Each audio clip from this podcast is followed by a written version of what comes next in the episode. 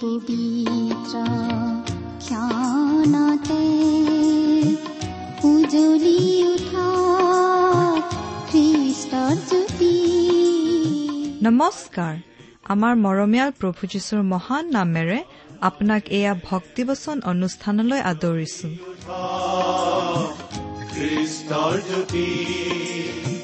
আকাশ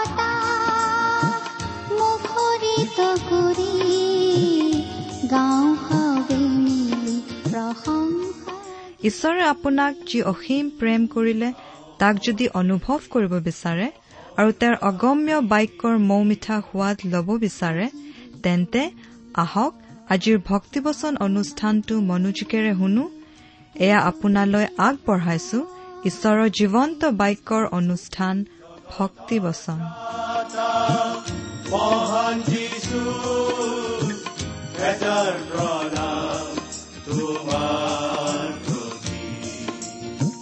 গ্ৰহণ কৰাই ভক্তি বচন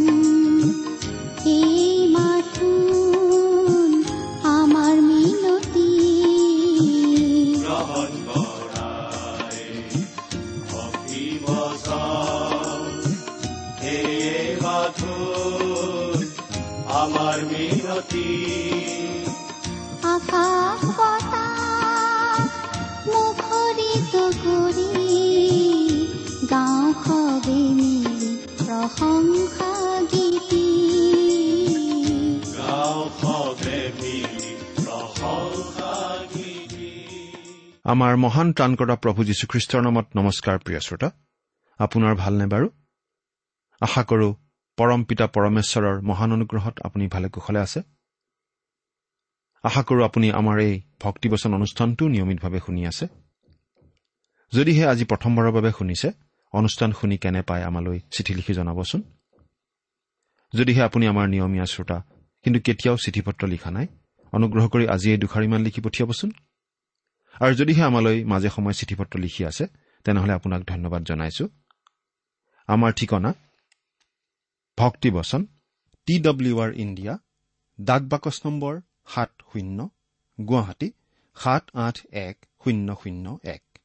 ভক্তিবচন T W R India post box number seventy Guwahati seven eight one zero' zero' one.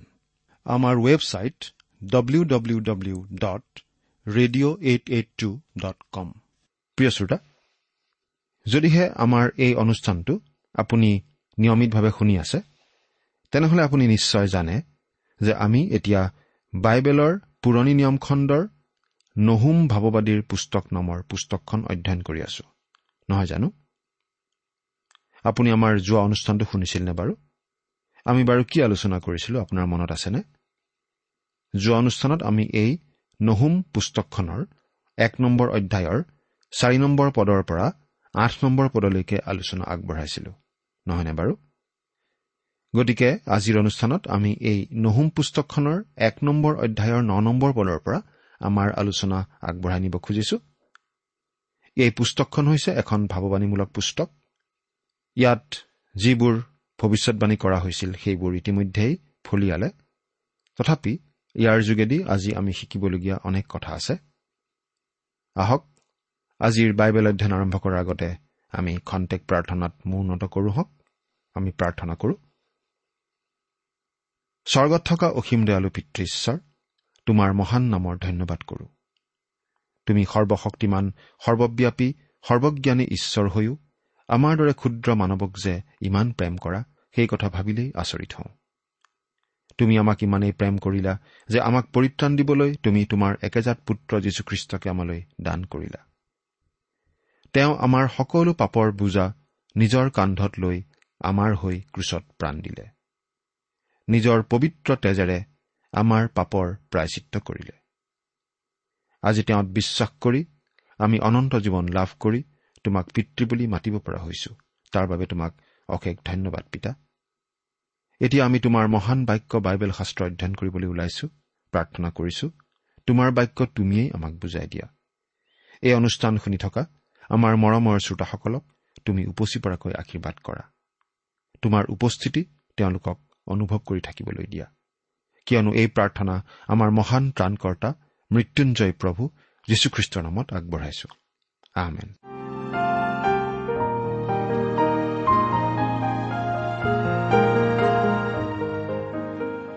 প্ৰিয় শ্ৰোতা আজি আমি বিশেষভাৱে দেখিবলৈ পাম ওচৰীয়াবিলাকৰ ৰাজধানী নিনবীনগৰ ধ্বংস কৰিবলৈ ঈশ্বৰৰ সিদ্ধান্ত আৰু শুভবাৰ্তা দিয়াৰো সিদ্ধান্ত। আহক বাইবেলৰ পৰা পাঠ কৰি দিম।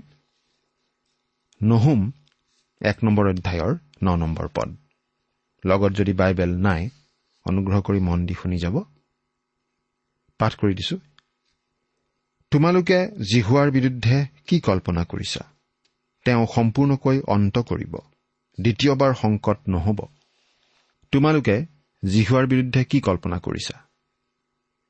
নহুমে আক্ৰমণকাৰী ওচৰীয়াবিলাকক পোনে পোনে এই প্ৰশ্নটো কৰিছে। বা এজন পণ্ডিতে কোৱাৰ দৰে তেওঁ আচলতে ওচৰীয়াবিলাকক এই বুলি প্ৰশ্ন কৰিছে। ইছৰাইলীয়াবিলাকৰ যি ঈশ্বৰ সেই ঈশ্বৰৰ লগত তোমালোকে বলে পাৰিবা জানো? তেওঁ সকলো অন্ত কৰিব। অৰ্থাৎ ওচৰীয়া শক্তি সম্পূৰ্ণৰূপে ধ্বংস কৰা হ'ব। যিচয়া ভাৱবাদীৰ পুস্তকৰ সাতত্ৰিশ নম্বৰ অধ্যায়ত আমি যি ঐতিহাসিক বিৱৰণ পাওঁ সেই বিৱৰণে এইখিনি কথা বুজাত আমাক বিশেষভাৱে সহায় কৰে। দ্বিতীয়বাৰ সংকট নহ'ব। অৰ্থাৎ নিনবিক আৰু দ্বিতীয় এটা সুবিধা দিয়া নহ'ব। তেওঁলোকে শেষবাৰৰ বাবে সুবিধা লাভ কৰিলে। তেওঁলোকে সেই অদৃশ্য সীমা চেৰাই গ'ল। সেই সীমাৰেখাডাল ক'ত আছে অৱশ্যে আমি ক'ব নোৱাৰো কিন্তু আছে। আৰু ঈশ্বৰক প্ৰত্যাখ্যান কৰি আপুনি সেই সীমাৰেখা অতিক্ৰম কৰি যোৱাৰ সম্ভাৱনা থাকে। তাৰমানে ঈশ্বৰৰ অনুগ্ৰহই আপোনাক স্পৰ্শ কৰিব নোৱাৰে এনে নহয়। কিন্তু আপুনিহে সেই অনুগ্ৰহ স্পৰ্শ কৰিব নোৱাৰা হয়। যদিহে আপুনি সেই অদৃশ্য সীমাৰেখাডাল অতিক্ৰম কৰি যায়। এইটো কিন্তু বৰ ভয় লগা কথা। এতিয়া দহ নম্বৰ পদটো পঢ়ি দিম। কিয়নো সিহঁত জোঁট লগা কাঁইটৰ নিচিনা হলেও আৰু সিবিলাকৰ সুৰাপানেৰে ভেজা যেন হলেও সিহঁতক শুকান নৰাৰ নিচিনাকৈ ভস্ম কৰা হ'ব। সিহঁত জোঁট লগা কাঁইটৰ নিচিনা হলেও। খুব সম্ভৱ ইয়াত ওচৰীয়া সৈন্যবাহিনীৰ কথাকেই বুজোৱা হৈছে। সেই সৈন্যবাহিনী ইমান ঐক্যবদ্ধ আছিল যে একেবাৰে কোনেও ভেদ কৰিব নোৱাৰা জোঁট লগা কাঁইটৰ নিচিনা আছিল। সিবিলাকৰ সুৰাপানেৰে ভেজা যেন হলেও সিহঁতক শুকান নৰাৰ নিচিনাকৈ ভস্ম কৰা হ'ব। ঈশ্বৰে তেওঁলোকক সম্পূৰ্ণকৈ ধ্বংস কৰিব। এই ভাৱবাণী যে ফলিয়াইছিল তাৰ ঐতিহাসিক বিৱৰণ আমি পাওঁ ৰিচয়া সাতত্ৰিশ নম্বৰ অধ্যায়ৰ ছয়ত্ৰিশ আৰু সাতত্ৰিশ নম্বৰ পদত। আজি আমি বিশেষকৈ যুৱক যুৱতীসকলক এই কথা ক'ব বিচাৰো। আপোনালোকে ডেকা হৈ থাকোঁতেই আৰু মনবোৰ সতেজ আৰু সজীৱ হৈ থাকোঁতেই খ্ৰীষ্টক অনুকৰণ কৰিবলৈ সিদ্ধান্ত গ্ৰহণ কৰক। বুদ্ধিবৃত্তি চিন্তাশীলতা আদিক লৈ আপোনালোকে ধেমালি কৰি কটাব পাৰে। বহুতে তেনেকুৱা কৰি ধ্বংসৰ পিনেও আগবাঢ়ে। বা আন বহুতৰ নিচিনাকৈ ড্ৰাগছ সুৰা আদিক লৈও ধেমালি কৰি কটাব পাৰে। কিন্তু নুহুমে কৈছে যে এনে এটা দিন আহিব যিদিনা আপুনি মদপী মানুহৰ নিচিনাকৈ হামখুৰি খাই পৰিব লাগিব।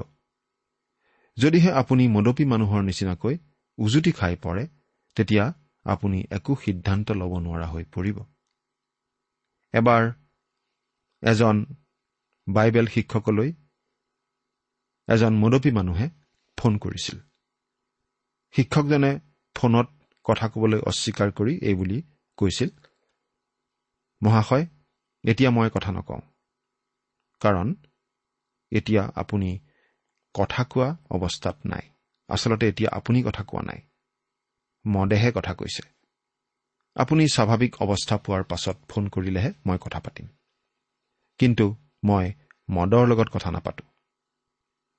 সেই নিনবী নগৰেও আচলতে এনেকুৱা এটা অৱস্থা পাইছিল যে তেওঁলোকে একো সিদ্ধান্ত ল'ব নোৱাৰা অৱস্থা পাইছিলগৈ। আন আন গৌণ ভাৱবাদীসকলৰ লগতে নহুম ভাৱবাদীয়েও ঈশ্বৰৰ শাসন ব্যৱস্থাৰ কথা আমাক জনাই দিছে। ঈশ্বৰে ব্যক্তি আৰু দেশ তথা জাতিৰ প্ৰতি কেনেদৰে ব্যৱস্থা গ্ৰহণ কৰে সেই বিষয়ে এই ভাওবাদীসকলে আমাক জনাই দিছে। নহুমে এই বিশেষ কথাটো আমাক জনাই আছে যে এই কথা আপুনি বিশ্বাস কৰক বা নকৰক আপুনি বুজি পাওক বা নাপাওক ঈশ্বৰ ন্যায়বান। আৰু তেওঁ যেতিয়া কোনো ব্যক্তি নাইবা দেশ বা জাতিক বিচাৰ কৰি দণ্ড বিহে তেতিয়া তেওঁ সৎকামেই কৰে। সেইবোৰ কৰা স্বত্তেও তেনেদৰে শাস্তি দিয়া স্বত্তেও ঈশ্বৰ প্ৰেমৰ প্ৰতীক। ঈশ্বৰ প্ৰেমৰ ঈশ্বৰ। হেৰাই থকা লোক সকলোকে তেওঁ প্ৰেম কৰে। সকলো লোককেই তেওঁ প্ৰেম কৰে। তেওঁৰ বিষয়ে পাচনি জোহনে এই বুলি কৈছে আৰু তেওঁৱেই আমাৰ পাপৰ প্ৰায়চিত্ৰ কেৱল আমাৰেই নহয় গোটেই জগতৰো প্ৰথম জোহন দুই নম্বৰ অধ্যায়ৰ দুই নম্বৰ পদ। মানুহ হেৰুৱা অৱস্থাত আছে কাৰণ মানুহ স্বভাৱতেই পাপী। কিন্তু মানুহে উদ্ধাৰ লাভ কৰে। যেতিয়া ঈশ্বৰে তেওঁলোকৰ প্ৰতি আগবঢ়োৱা পৰিত্ৰাণৰ দান তেওঁলোকে গ্ৰহণ কৰি লয়। ঈশ্বৰৰ এই দান গ্ৰহণ কৰিব খোজা প্ৰতিজন লোকৰ প্ৰতি ঈশ্বৰৰ সেই দান অনবৰতেই সাজু হৈ আছে। আমাৰ বিশ্বাস যে মানুহ ঈশ্বৰলৈ ঘূৰিব। অৱশ্যে অসংখ্য লোক নহবও পাৰে কিন্তু আমি বিশ্বাস কৰোঁ যে মানুহলৈ ঈশ্বৰে যি পৰিত্ৰাণৰ আমন্ত্ৰণ আগবঢ়াইছে সেই আমন্ত্ৰণৰ প্ৰতি সঁহাৰি দি মানুহ ঈশ্বৰলৈ ঘূৰি থাকিব। আমাৰ মনে ধৰে এনেদৰে অনাতাঁৰ মাধ্যমেৰে ঈশ্বৰৰ বাৰ্তা নুশুনা অনেক লোকলৈ ঈশ্বৰৰ সেই আমন্ত্ৰণ বিয়পাই দিয়াৰ সুযোগ আমি আজি পাই আছো। নহুমভাৱবাদীয়ে অতি স্পষ্টভাৱে চৰম সীমালৈ গৈ কথাবোৰ ক'ব ঈশ্বৰে নিনবীনগৰ ধ্বংস কৰিব। তেওঁ সেইটো ন্যায়সংগত আৰু সৎ হিচাপেই কৰিব। কিন্তু ঈশ্বৰ প্ৰেমময়। তেওঁৰ সোধ বিচাৰ আচলতে তেওঁ প্ৰেমৰেই এটা কাৰ্য। এই কথা বুজি পোৱা সহজ নহলেও কিন্তু এই কথা সত্য। এঘাৰ নম্বৰ পদটো পঢ়িছো। জিহুৱাৰ বিৰুদ্ধে কুকল্পনা কৰোতা কু আলচ কৰোতা এজন তোমাৰ পৰাই ওলাল। এতিয়া নহুমে কৈছে যে যিহুদীবিলাকৰ বিৰুদ্ধে এই শত্ৰু আহিছে আৰু শত্ৰু হৈছে অচুৰীয়া আৰু ইয়াৰ ৰাজধানী হৈছে নিনবী। ইয়াত যি কু আলচ কৰোতা এজনৰ কথা কোৱা হৈছে সেইজন আচলতে চেনহৰিব নামৰ অচুৰীয়া ৰজাজনৰ কথাই কোৱা হৈছে বুলি বেছিভাগ বাইবেল ব্যাখ্যাকাৰকেই মত পোষণ কৰে। চেনহৰিবৰ এই আক্ৰমণৰ কথা শাস্ত্ৰত তিনিবাৰ উল্লেখ কৰা হৈছে। দ্বিতীয় ৰাজাৱলী ওঠৰৰ পৰা ঊনৈশ নম্বৰ অধ্যায়। দ্বিতীয় বংশাৱলী বত্ৰিশ নম্বৰ অধ্যায়। আৰু জিচয়াৰ ছয়ত্ৰিশৰ পৰা সাতত্ৰিশ নম্বৰ অধ্যায়ত এই বিষয়ে আমি পাওঁ। আকৌ কৈ দিছো দ্বিতীয় ৰাজাৱলী ওঠৰৰ পৰা ঊনৈশ নম্বৰ অধ্যায় দ্বিতীয় বংশাৱলী বত্ৰিশ নম্বৰ অধ্যায় আৰু জিচয়া ছয়ত্ৰিশ আৰু সাতত্ৰিশ নম্বৰ অধ্যায়। ঈশ্বৰে কিবা এটা কথা যদি তিনিবাৰ কয় আমি থমকি ৰৈ চাই শুনিব লাগে। আচলতে তেওঁ এবাৰ কলেই যথেষ্ট। কেতিয়াবা তেওঁ দুবাৰ কয় সেইটো অধিক জৰুৰী। কিন্তু যেতিয়া তেওঁ কিবা এটা কথা তিনিবাৰ দোহাৰে তেনেহলে সেইটো আৰু অধিক জৰুৰী কথা বুলি আপুনি লিখি থব পাৰে। নহুমে এতিয়া জিৰচালেমৰ বিৰুদ্ধে আহিবলগীয়া এই কু আলচ কৰোতাজনৰ কথা কৈছে। আমি ঐতিহাসিক বিৱৰণত পাওঁ যে চেনহৰিবে ৰবচাকিক জিৰচালেমৰ বিৰুদ্ধে পঠিয়াইছিল। লগত আছিল অচুৰীয়াবিলাকৰ বিশাল সৈন্যবাহিনী। সেই ৰবচাকিয়ে জিহুদাৰ ৰজা হিচকিয়াক ভয় খুৱাইছিল আৰু হিচকিয়া ভয়তে মৃতপ্ৰায় হৈ পৰিছিল। সেই সময়ছোৱাত কিজানি তেওঁ ৰাতি উজাগৰে কটাবলগীয়া হৈছিল। কিন্তু হিচকিয়া ৰজা মন্দিৰলৈ গৈ ঈশ্বৰৰ ওচৰত কাটৰোক্তি কৰিছিল। তাৰ পাছত ৰিচয়া ভাৱবাদী আহি এই বাৰ্তা দিছিলহি যে ৰব চাকিয়ে আনকি জিৰচালেমৰ পিনে এপাত কাঁড়ো মাৰিব নোৱাৰে। সঁচাকৈয়ে ৰব চাকিয়ে তাৰ পৰা সৈন্য অপসাৰণ কৰিব লগাহে হ'ল কাৰণ চেনহৰিবে মিছৰৰ লগত যুদ্ধ কৰিবৰ বাবে ৰব চাকিৰ পৰা অধিক সৈন্যৰ সহায় ল'ব লগা হৈছিল। তাৰ পাছত ঈশ্বৰে নিজে সেই অচুৰীয়া সৈন্য বাহিনী ধ্বংস কৰি পেলাইছিল। অচুৰীয়াবোৰে উত্তৰ ৰাজ্য অৰ্থাৎ ইছৰাইলক পৰাস্ত কৰি বন্দী কৰি লৈ যোৱাৰ পাছৰে পৰা অচুৰীয়াবিলাকক জীহুদাই অতি ভয়ৰ চকুৰে চাই আহিছিল। বাৰ নম্বৰ পদটো পঢ়ি দিম। জিহুৱাই এই কথা কৈছে সিহঁত শক্তিৰে পুৰ আৰু বহুসংখ্যক হলেও সিহঁতক উচ্ছন্ন কৰা হ'ব আৰু সেইজন গুচি যাব। যদিও মই তোমাক দুখ দিলো তথাপি তোমাক আৰু দুখ নিদিম। এইটো অতি গুৰুত্বপূৰ্ণ পদ। আৰু আমি ইয়াত থকা বিশেষ মন কৰিবলগীয়া কথাখিনি ভালদৰে চাব খুজিছো। সিহঁত শক্তিৰে পুৰ আৰু বহুসংখ্যক বুলিনো কি বুজাব খোজা হৈছে? ঈশ্বৰে বাৰু ইয়াত কি কৈছে? কিছুমান বাইবেল পণ্ডিতে বাইবেলৰ এই পদটোৰ সন্দৰ্ভত লিখি ৰখা টোকাৰ পৰা আমি অলপ চাব খুজিছো। পুৰাতত্ববিদসকলে খনন কাৰ্য কৰি আৱিষ্কাৰ কৰা কথাই কেনেদৰে শাস্ত্ৰৰ কথা বুজাত আমাক সহায় কৰে সেইটো আমি বুজি পাওঁ। আৰু ঈশ্বৰৰ বাক্য যে সঠিক আৰু শুদ্ধ তাৰো প্ৰমাণ আমি এনেদৰে পাওঁ। দ্য নিউজ কফিল্ড ৰেফাৰেন্স বাইবেলত এই পদটোৰ ক্ষেত্ৰত এনেদৰে টোকা এটা আগবঢ়োৱা হৈছে। শক্তিৰে পুৰ আৰু বহুসংখ্যক বাক্যাংশটি মূল ইব্ৰী ভাষাৰ পৰা হুবহু অনুবাদ কৰা হৈছে আৰু দেখাত বিশেষ অৰ্থ নথকা যেন লাগে। কিন্তু আচলতে এই ইব্ৰী অনুবাদটিয়ে বহুদিন ধৰি পাহৰি থকা অচুৰীয়া আইন নীতি এটা বুজাইছে। ছশ বাৰ খ্ৰীষ্টপূৰ্বৰ পৰা মাটিত পোত গৈ থকা প্ৰাচীন নিনবী নগৰৰ খনন কাৰ্যত হাজাৰ হাজাৰ ওচৰীয়া ইটা পোৱা গৈছে য'ত কথা লিখা আছে। আৰু তাৰে বহুততেই এই ওচৰীয়া আইন নীতিটো খোদাই কৰা আছে। এই কথা অনুসন্ধান কৰি বুজা গৈছে যে এই নীতিটোৱে বিভিন্নজনে একগোট হৈ দায়িত্ব পালন কৰা বুজায়। বিভিন্নজনে একগোট হৈ একেলগে দায়িত্ব পালন কৰা বুজায়। নহুমে কৈছে যে ঈশ্বৰে ওচৰীয়াবিলাকৰ এই নীতি ব্যৱহাৰ কৰিয়েই ওচৰীয়াবিলাকক এনেদৰে কৈছে। তোমালোকৰ গোটেই দেশখনেই এজন মানুহৰ নিচিনা হৈ মোৰ বিৰুদ্ধে যুঁজিলেও মই তোমালোকক পৰাস্ত কৰিম। মূল কথাবোৰ লিখি থোৱা আৰু তাৰ প্ৰতিলিপি কৰি যোৱা ইব্ৰী লোকসকলৰ বাবেও এই বাক্যাংশটি অবৈধ যেন আছিল। তেওঁলোকে নিশ্চয় কথাটো ভালদৰে বুজি পোৱা নাছিল। তথাপি বাক্যাংশটি অলপো সাল সলনি নোহোৱাকৈ আমাৰ হাতলৈ আহিছে। ঈশ্বৰে যে বাইবেলৰ কথাবোৰ বিশেষভাৱে ৰক্ষণাবেক্ষণ দি ৰাখে তাৰ এইটো এটা প্ৰমাণ। গতিকে ঈশ্বৰে ওচৰীয়াবিলাকৰ আইনৰ সূত্ৰ ব্যৱহাৰ কৰি কথাটো কৈছিল।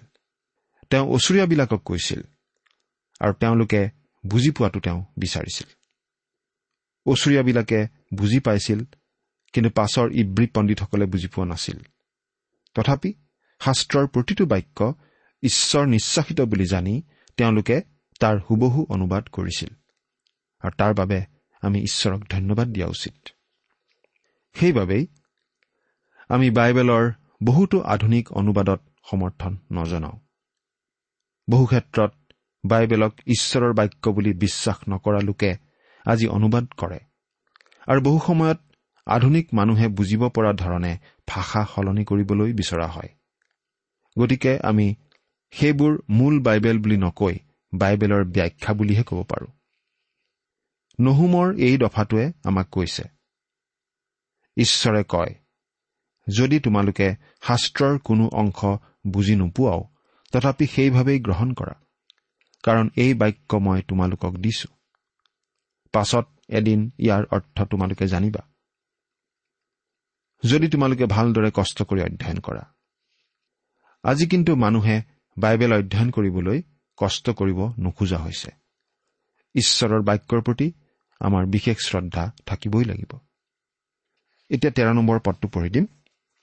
মই এতিয়া তোমাৰ পৰা তাৰ জুৱলি ভাঙি পেলাম আৰু তোমাৰ বান্ধবোৰ ছিঙি পেলাম। নহুমে লিখাৰ সময়ত এইটো অসম্ভৱ যেন আছিল কাৰণ ওচৰীয়া সাম্ৰাজ্য বহুদিন চলি থাকিব যেন লাগিছিল। কিন্তু সেই সময়ত ঈশ্বৰে কৈছিল মই এতিয়া তোমাৰ পৰা তাৰ জুৱলি ভাঙি পেলাম। তেওঁ আৰু কৈছিল চৈধ্য নম্বৰ পদ। আৰু হে শত্ৰু তোমাৰ বিষয়ে জিহুৱাই আজ্ঞা দিছে যে তোমাৰ নামৰ গুটি আৰু বোৱা নাযাব। তোমাৰ দেৱতাবোৰৰ ঘৰৰ পৰা কটা মূৰ্তি আৰু সাঁচত ঢলা মূৰ্তি মই উচ্ছন্ন কৰিম। মই তাক তোমাৰ মৈদাম কৰিম কিয়নো তুমি অধম। কঠুৱা কথা চোকা ভাষাৰ কথা। ঈশ্বৰে নিনবীক কৈছে মই তোমাক মৈদাম দিম। ঈশ্বৰে নিনবীক কৈছে মই তোমাক কবৰ দিম আৰু তুমি জাতি বা দেশ হিচাপে আৰু কেতিয়াও নাথাকিবা। প্ৰিয় শ্ৰোতা আজি আৰু সেই দেশ বা জাতিৰ কোনো চিন নাই। ঈশ্বৰে কথামতেই কাম কৰিলে।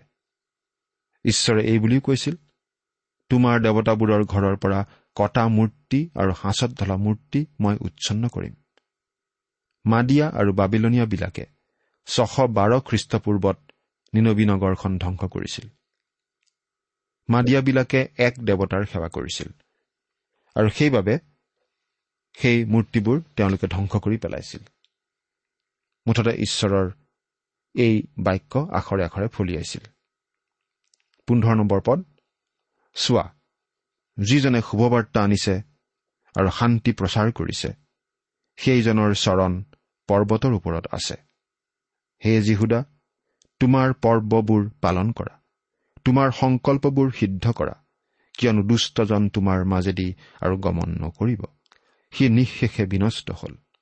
নহুমৰ যোগেদি ঈশ্বৰে কৈছে মোক পৰিত্যাগ নকৰিবা। মুচিৰ ব্যৱস্থাৱলীৰ পৰা আঁতৰি নাযাবা। এৰি নিদিবা কাৰণ মই তোমাৰ শত্ৰু ধ্বংস কৰিম। আৰু তোমালোকলৈ মচিহ মই পঠিয়াম। তেওঁ আনন্দৰ বাতৰি আনিব। নহুমে অচুৰীয়াবিলাকৰ সন্দৰ্ভত এই কথা কৈছে। আৰু যিচয়া বাৱন্ন নম্বৰ অধ্যায়ৰ সাত নম্বৰ পদতো একেধৰণৰ কথাই কোৱা হৈছে। যিজনে শুভবাৰ্তা আনে যিজনে শান্তি প্ৰচাৰ কৰে যিজনে মংগলৰ শুভবাৰ্তা আনে যিজনে পৰিত্ৰাণ প্ৰচাৰ কৰে যিজনে তোমাৰ ঈশ্বৰে ৰাজত্ব কৰিছে বুলি চিউনক কয় পৰ্বতৰ ওপৰত সেইজনৰ চৰণ কেনে সুন্দৰ দেখা যায়। ইয়াত যিহুদা দেশক জনোৱা হৈছে বাবিল দেশ ধ্বংস হ'ব বুলি। নহুমে উত্তৰ ৰাজ্য অৰ্থাৎ ইছৰাইলক কৈছে কিন্তু অচুৰীয়া দেশ ধ্বংস হোৱাৰ কথা কৈছে। আকৌ পাচনি পৌলে ৰুমিয়াবিলাকলৈ লিখা পত্ৰত এইদৰে লিখিছিল ৰুমিয়া দহ নম্বৰ অধ্যায়ৰ তেৰৰ পৰা পোন্ধৰ পদ পঢ়িম। কাৰণ যিকোনোৱে প্ৰভুৰ নামত প্ৰাৰ্থনা কৰে তেওঁ পৰিত্ৰাণ পাব। পাছে যিজনাত তেওঁবিলাকে বিশ্বাস কৰা নাই সেইজনৰ আগত কেনেকৈ প্ৰাৰ্থনা কৰিব? আৰু যিজনৰ বিষয়ে শুনা নাই তেওঁতনো কেনেকৈ বিশ্বাস কৰিব? আৰু ঘোষণাকাৰী নহলে কেনেকৈ শুনিব? আৰু পঠোৱা নহলে কেনেকৈ ঘোষণা কৰিব? এই বিষয়ে লিখাও আছে। মংগলৰ শুভবাৰ্তা প্ৰচাৰ কৰাবিলাকৰ ভৰি কেনে সুন্দৰ? অৰ্থাৎ পৌলে এটা বেলেগ বিষয়ত এই কথাখিনি ব্যৱহাৰ কৰিছে। পৌলে যুক্তি দিছে যে ঈশ্বৰে ইছৰাইল জাতিৰ ক্ষেত্ৰত হাত ধুই পেলোৱা নাই। ভৱিষ্যতে তেওঁলোকলৈ আনন্দৰ খবৰ আহিব। কিন্তু ইয়াত গোটেই জগতলৈ বাৰ্তা আছে। কাৰণ যিকোনোৱে প্ৰভুৰ নামত প্ৰাৰ্থনা কৰে তেওঁ পৰিত্ৰাণ পাব। কিন্তু মানুহে আনন্দৰ বাতৰি শুনিবলৈ কোনোবাই বাৰ্তা কঢ়িয়াই আনিব লাগিব। আমি ভাবোঁ ঈশ্বৰেই বাৰ্তাবাহক পঠিয়াব। যিচয়াই লিখিছিল যিজনে শুভবাৰ্তা আনে যিজনে শান্তি প্ৰচাৰ কৰে যিজনে মংগলৰ শুভবাৰ্তা আনে যিজনে পৰিত্ৰাণ প্ৰচাৰ কৰে যিজনে তোমাৰ ঈশ্বৰে ৰাজত্ব কৰিছে বুলি চিউনক কয় পৰ্বতৰ ওপৰত সেইজনৰ চৰণ কেনে সুন্দৰ দেখা যায়? আজি প্ৰভু যীশুখ্ৰীষ্টৰ যোগেদি মানৱলৈ যি পৰিত্ৰাণ আগবঢ়োৱা হৈছে সেই বাতৰি বিলোৱা লোকৰ ভৰি সুন্দৰ। আমি আমাৰ ভৰি সুন্দৰ হোৱাটো বিচাৰো। আমাৰ ভৰিত শান্তিৰ শুভবাৰ্তাৰ প্ৰস্তুততাৰ জোতা পিন্ধি থাকিব বিচাৰো। আমি অনাতাৰ যোগেদি গোটেই পৃথিৱীতে খোজকাঢ়ি শুভবাৰ্তা বিলাবলৈ হাবিয়াস কৰোঁ। সেই শুভবাৰ্তা শুনি সেই শুভবাৰ্তাৰ প্ৰতি আপুনি বাৰু কেনে সঁহাৰি দিছে? চিন্তা কৰি চাওকচোন। ঈশ্বৰে আপোনাক আশীৰ্বাদ কৰক। আহমেন